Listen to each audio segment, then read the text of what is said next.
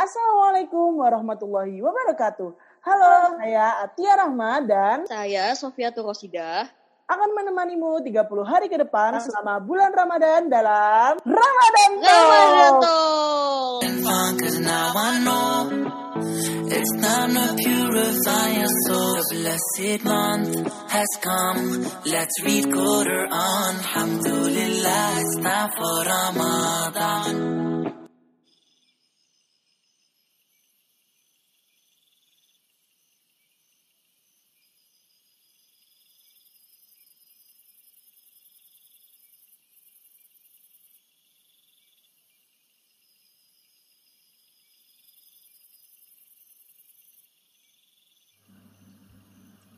Bapak.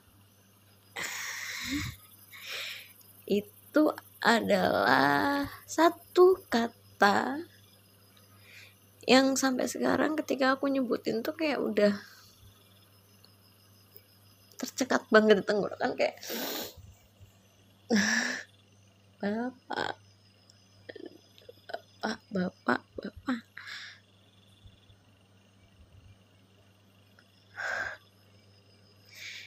aku rekam suara ini tanggal 17 Ramadan dan kebetulan ini bertepatan sama dua tahunnya bapakku meninggal.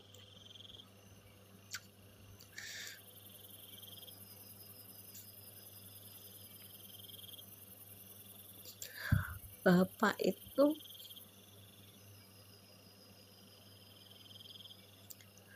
orang yang sangat membebaskan aku untuk memilih melakukan apa pun tanpa harus takut dengan konsekuensinya nanti.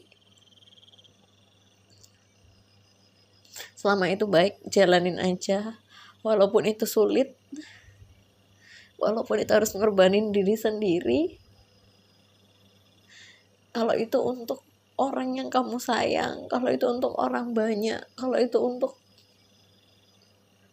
kebaikan bersama nggak apa-apa. Kamu harus tetap it- lakukan itu dengan kamu harus tetap menjadi pribadi yang jujur.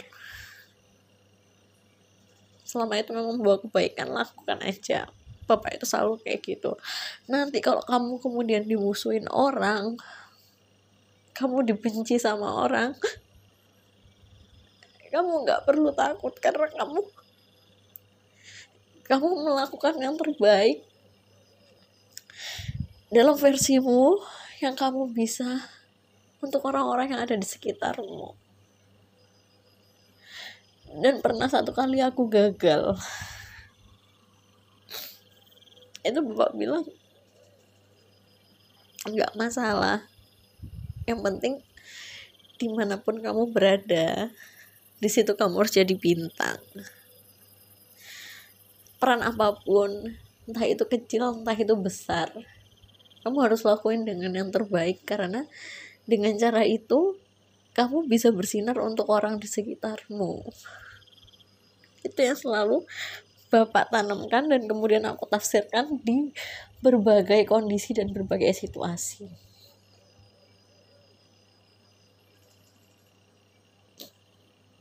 Waktu berjalan dan banyak naik turunnya hidup dan aku tumbuh tanpa perlu takut. Karena selalu ada dia yang meyakinkan aku untuk nggak apa-apa terusin aja lakukan lakukan. Kamu mau apa terus terus terus terus. Tapi suatu ketika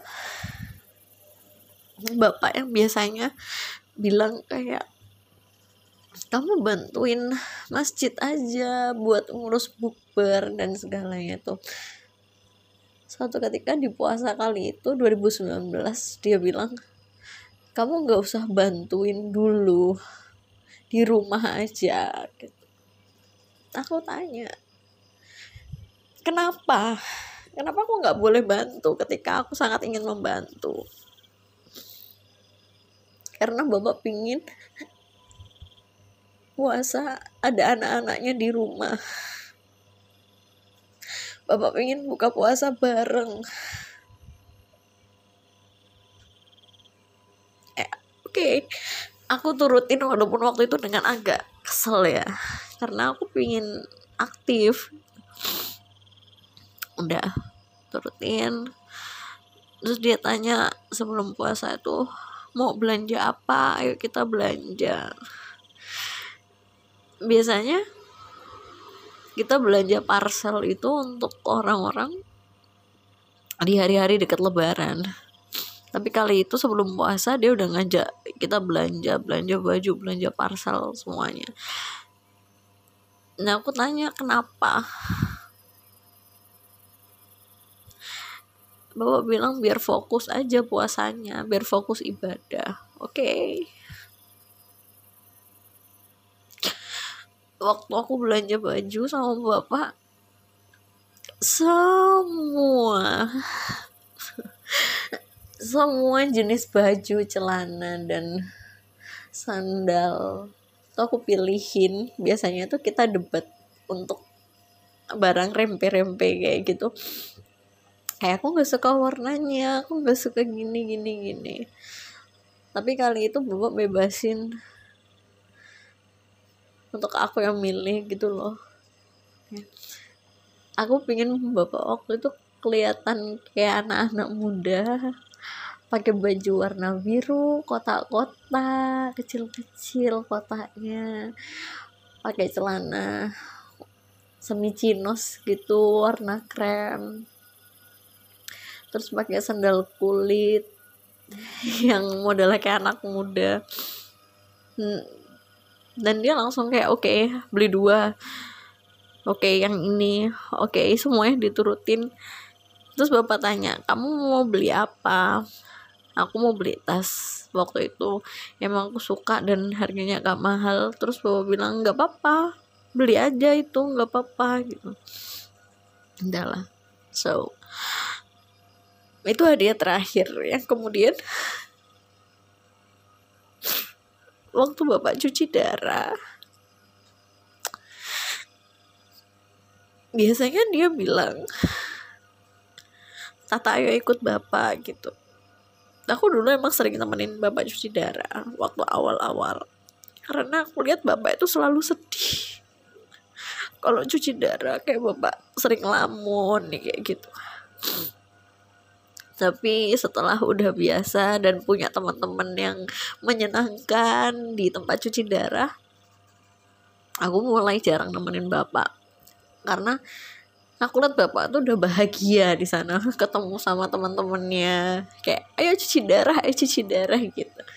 Aku sudah menemukan bapak punya semangat lagi. Jadi aku udah ngerasa kayak oh nggak usah sering-sering ditemenin nggak apa-apa gitu kan satu hari itu yang dia biasanya bilang ayo ikut bapak cuci darah kali itu kalimatnya berubah. Kata ayo anterin bapak. Aku tanya mau dianterin ke mana? Anterin bapak cuci darah gitu. Itu dalam hati udah kayak mau ke mana? Itu bukan kalimat yang biasa kamu ucapkan. Kamu mau minta dianterin ke mana?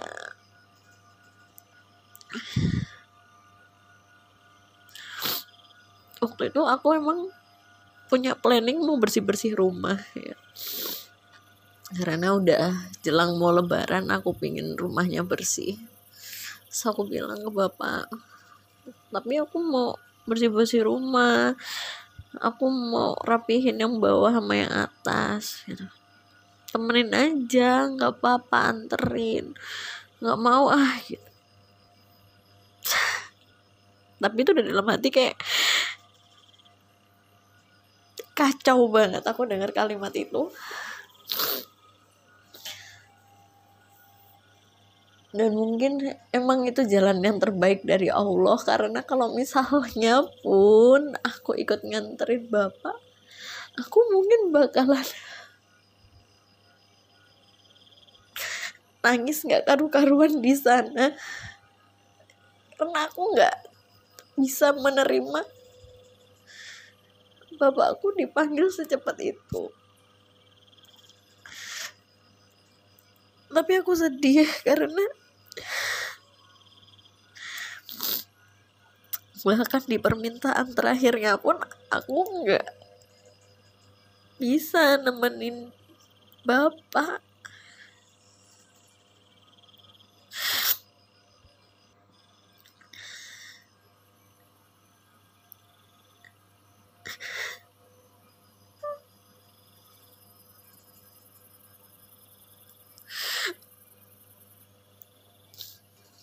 Sering sih aku mikir kayak bisa nggak sih? Kita dikasih satu kesempatan untuk ulang satu hari atau satu jam aja. Itu bakal aku pakai untuk ngobrol banyak sama bapak. Aku selalu pengen tanya kayak bapak suka warna apa? Kenapa bapak suka warna itu? Kenapa bapak suka makan pecel? Kenapa bapak suka basket? Kenapa bapak suka main sepatu roda? Kenapa bapak main bulu tangkis? Kenapa bapak dia weekend cuman suka tidur-tiduran di sofa kenapa bapak suka nggak ngerti harus ngomong apa sama aku dan kenapa kita suka debat?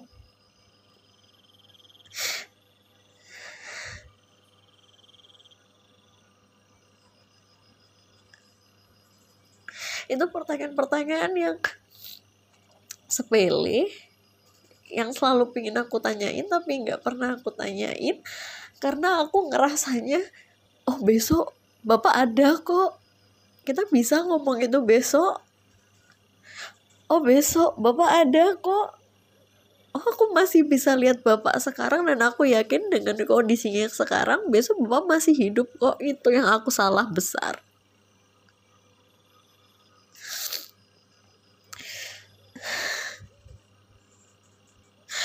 Bapak itu menurutku laki-laki yang paling mematikan komunikasi.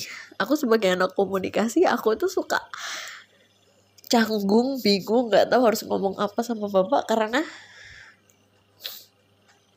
dia itu orangnya sesingkat itu ketika berbicara dan aku selalu bingung harus buka topik apa lagi topik apa lagi. Kita bisa bicara panjang ketika kita berdebat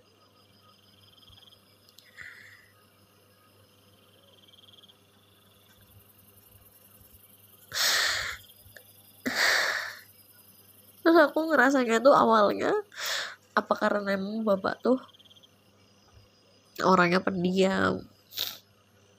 Tapi ternyata orang-orang di luar menganggap bapak itu lucu bapak itu banyak ngomongnya.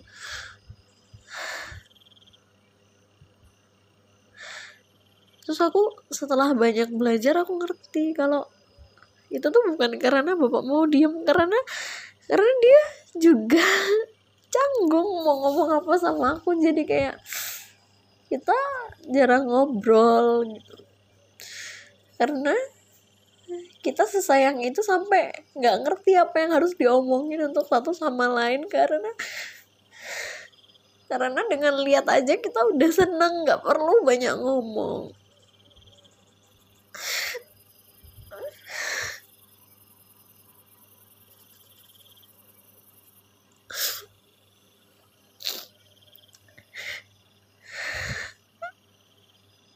hari ketika bapak meninggal. Sore setelah sholat asar bapak meninggal. Waktu itu aku setelah bersih-bersih aku berencana pergi ke Malang. Karena mau siapin project kecil untuk usaha. Uh, asar aku sampai di Malang aduh aku berangkat asal aku sampai di Malang dan baru aja aku masuk ke rumah mbahku terus tiba-tiba ada kabar kalau bapak meninggal itu. Nah aku langsung nangis. Aku balik lagi ke Surabaya sama keluarga. Sama keluarga besar sama pak deku bahku semuanya. Terus sampai Surabaya baru Isya terus aku nggak tahu semua pandangan itu rasanya kayak kabur. Aku cuman bisa di depan portal itu ada adekku. Kita di sana pelukan dan kayak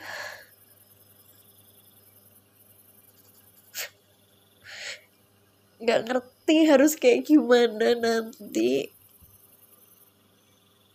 tapi karena kami sudah biasa dididik untuk selalu positive thinking bersikap profesional jadi ketika bapak meninggal itu di depan portal kami udah nangis nangis sampai capek terus kami masuk dengan sikap yang lebih tenang. Masuk ke kerumunan dan aku nggak tenang ketika lihat bapak kayak ayolah kamu biasanya ada di sudut itu. Kamu biasanya ada di atas lagi duduk di sofa lagi tidur di sofa. Nyambut aku yang habis dari Malang. Tapi kenapa kali ini aku datang dan gak kamu sambut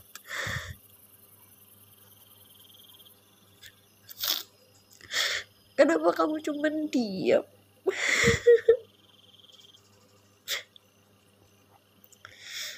Kenapa kamu cuma senyum tapi nggak meluk aku? Kenapa? Gak nyuruh aku salim? Kenapa nggak minta cium pipi? Kenapa? Kenapa semua kerasa kabur? Kenapa? Kenapa rasanya kayak melayang-layang kayak aku nggak ngerti aku ada di mana dan kenapa banyak orang.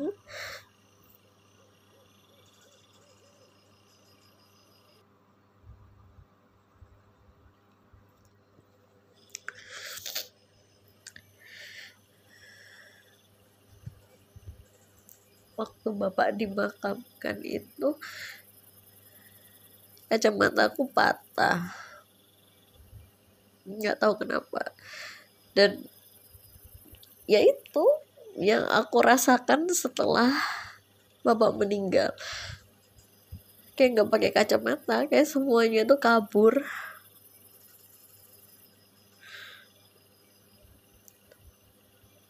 Terus aku harus kayak ngeraba-raba uh, gini ya hidup ya.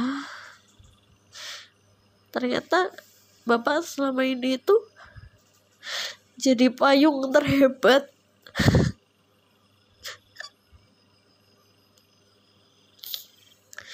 Jadi atap terkuat yang gak pernah biarin aku kebasahan gak pernah boleh ngerasain kepanasan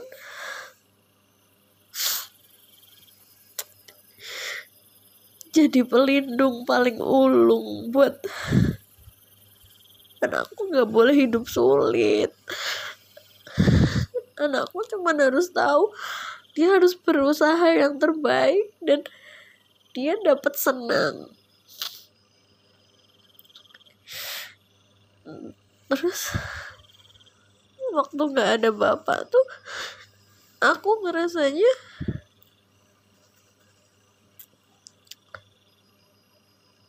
gini ya gini ya rasanya kamu gak bisa bersikap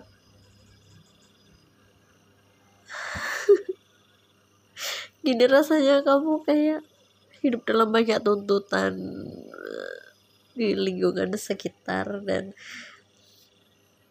kamu harus menjadi lebih lentur untuk apa pun.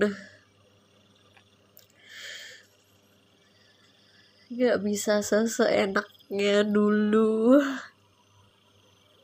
Jadi kamu harus berjuang lebih kuat dan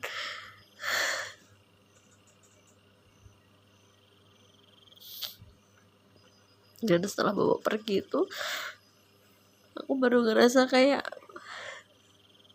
dia itu jatuh cinta terbesarku. Orang yang nggak mau lihat aku sedih.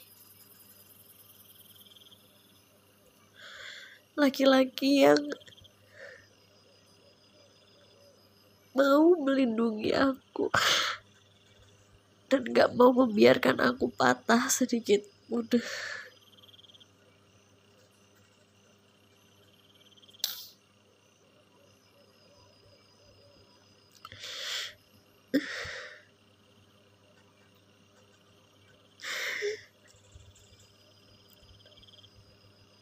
kenapa ya?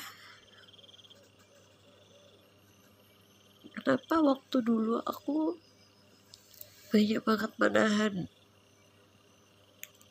rasa sayangku? Yang pingin aku tumpahkan untuk bapak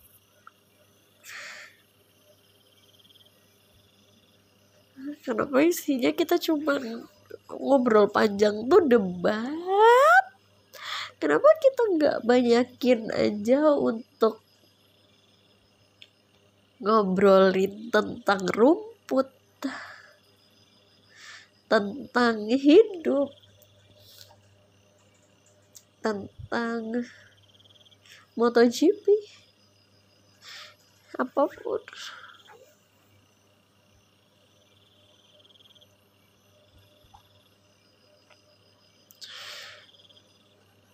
hari awal ketika bapak meninggal setelah bapak meninggal aku mimpi ada di perjalanan ada di perjalanan yang panjang banget. Dan kayak gurun pasir gitu terus akhirnya berujung kepada aku ke rumahnya Mbah dan di kamar Mbah ada bapak, ibu, adikku lagi pelukan bertiga. Dan aku marah karena aku gak diajak pelukan. Akhirnya kita berempat saling memeluk. Terus ada mbahku di sana duduk ngeliatin kami. Terus bapak bilang, sekarang bisa kan bertiga gitu. bisa kok. Dirasain dia hidupnya. Bisa kan? Terus bapak tuh kayak nepok-nepok. Kayak biasanya kayak ketika aku sedang akan mengemban sebuah tanggung jawab. Terus bapak nepok-nepok. Bahuku kayak bisa kok. Bisa kok. Kayak gitu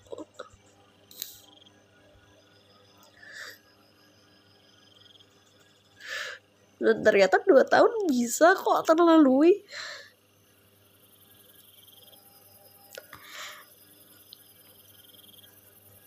Tapi nggak gampang.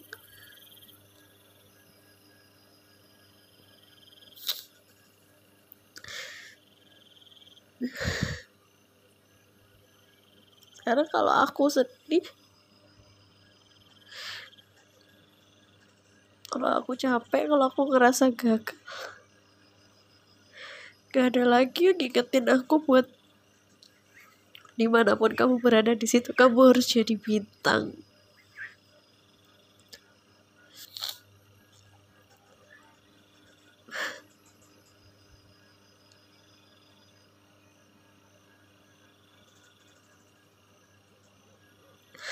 Aku selalu takut aku nanti lupa sama bapak karena setiap hari yang aku tanemin setiap pagi setelah bapak nggak ada tuh oh bapak lagi kerja di luar kota nanti juga pulang. Bapak lagi kerja. Akhir minggu pulang kok. Tapi hari-hari yang berjalan tuh nggak pernah ada Sabtu sama Minggunya. Semua cuman Senin Selasa Rabu Kamis Jumat. Senin Selasa Rabu Kamis Jumat. Dan gitu terus di benakku tuh masih kayak bapak kerja bapak akan pulang ketika weekend. Tapi weekend tuh nggak pernah ada.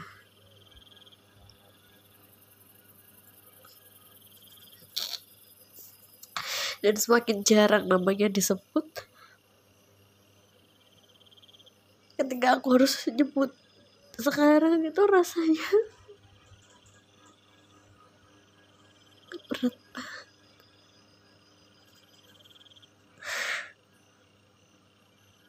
aku kangen dibimbing sama bapak. Diingetin sholat. Diingetin gaji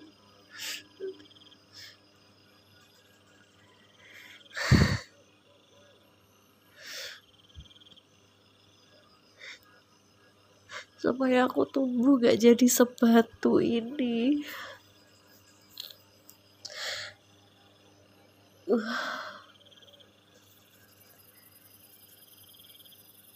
ini 17 Ramadan dan ibu ngadoin khataman untuk bapak.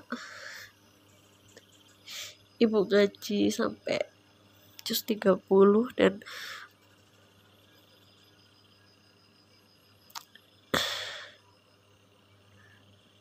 aku nggak ngerti. Masih belum bisa jadi anak yang baik buat bapak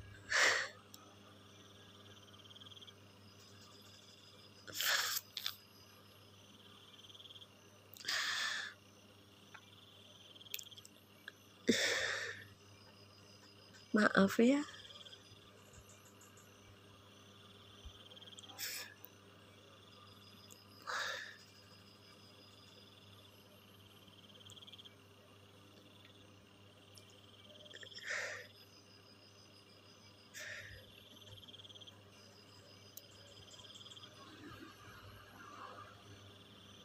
Bapak itu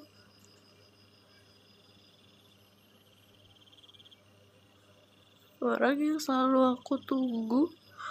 Suara mobilnya sore hari buat pulang buat ngajakin aku sholat jamaah maghrib.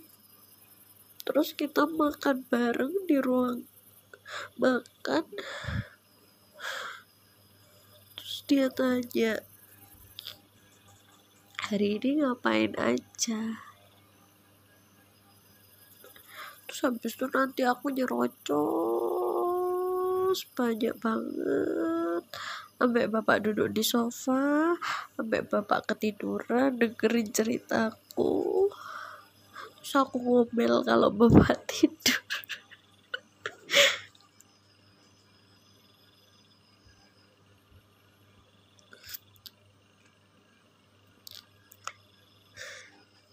Bapak tuh orang yang gak pernah bisa lama ngeliat aku. Kalau aku kalau bapak ngeliat aku terus aku tanya apa? gitu.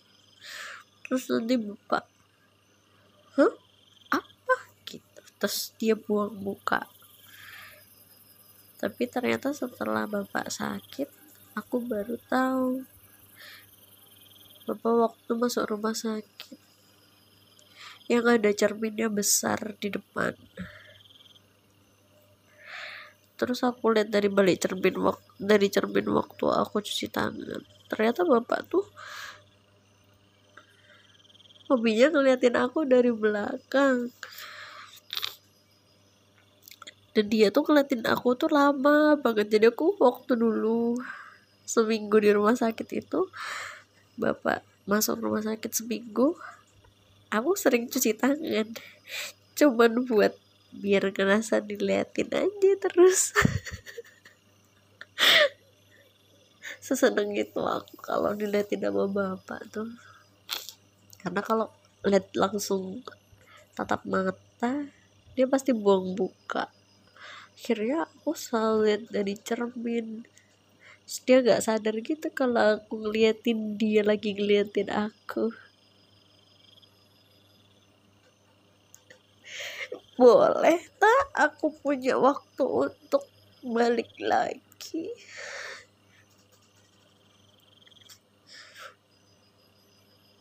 Aku kangen.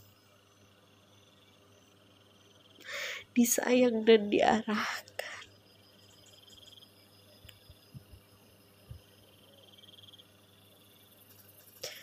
Sama jatuh cinta terbesar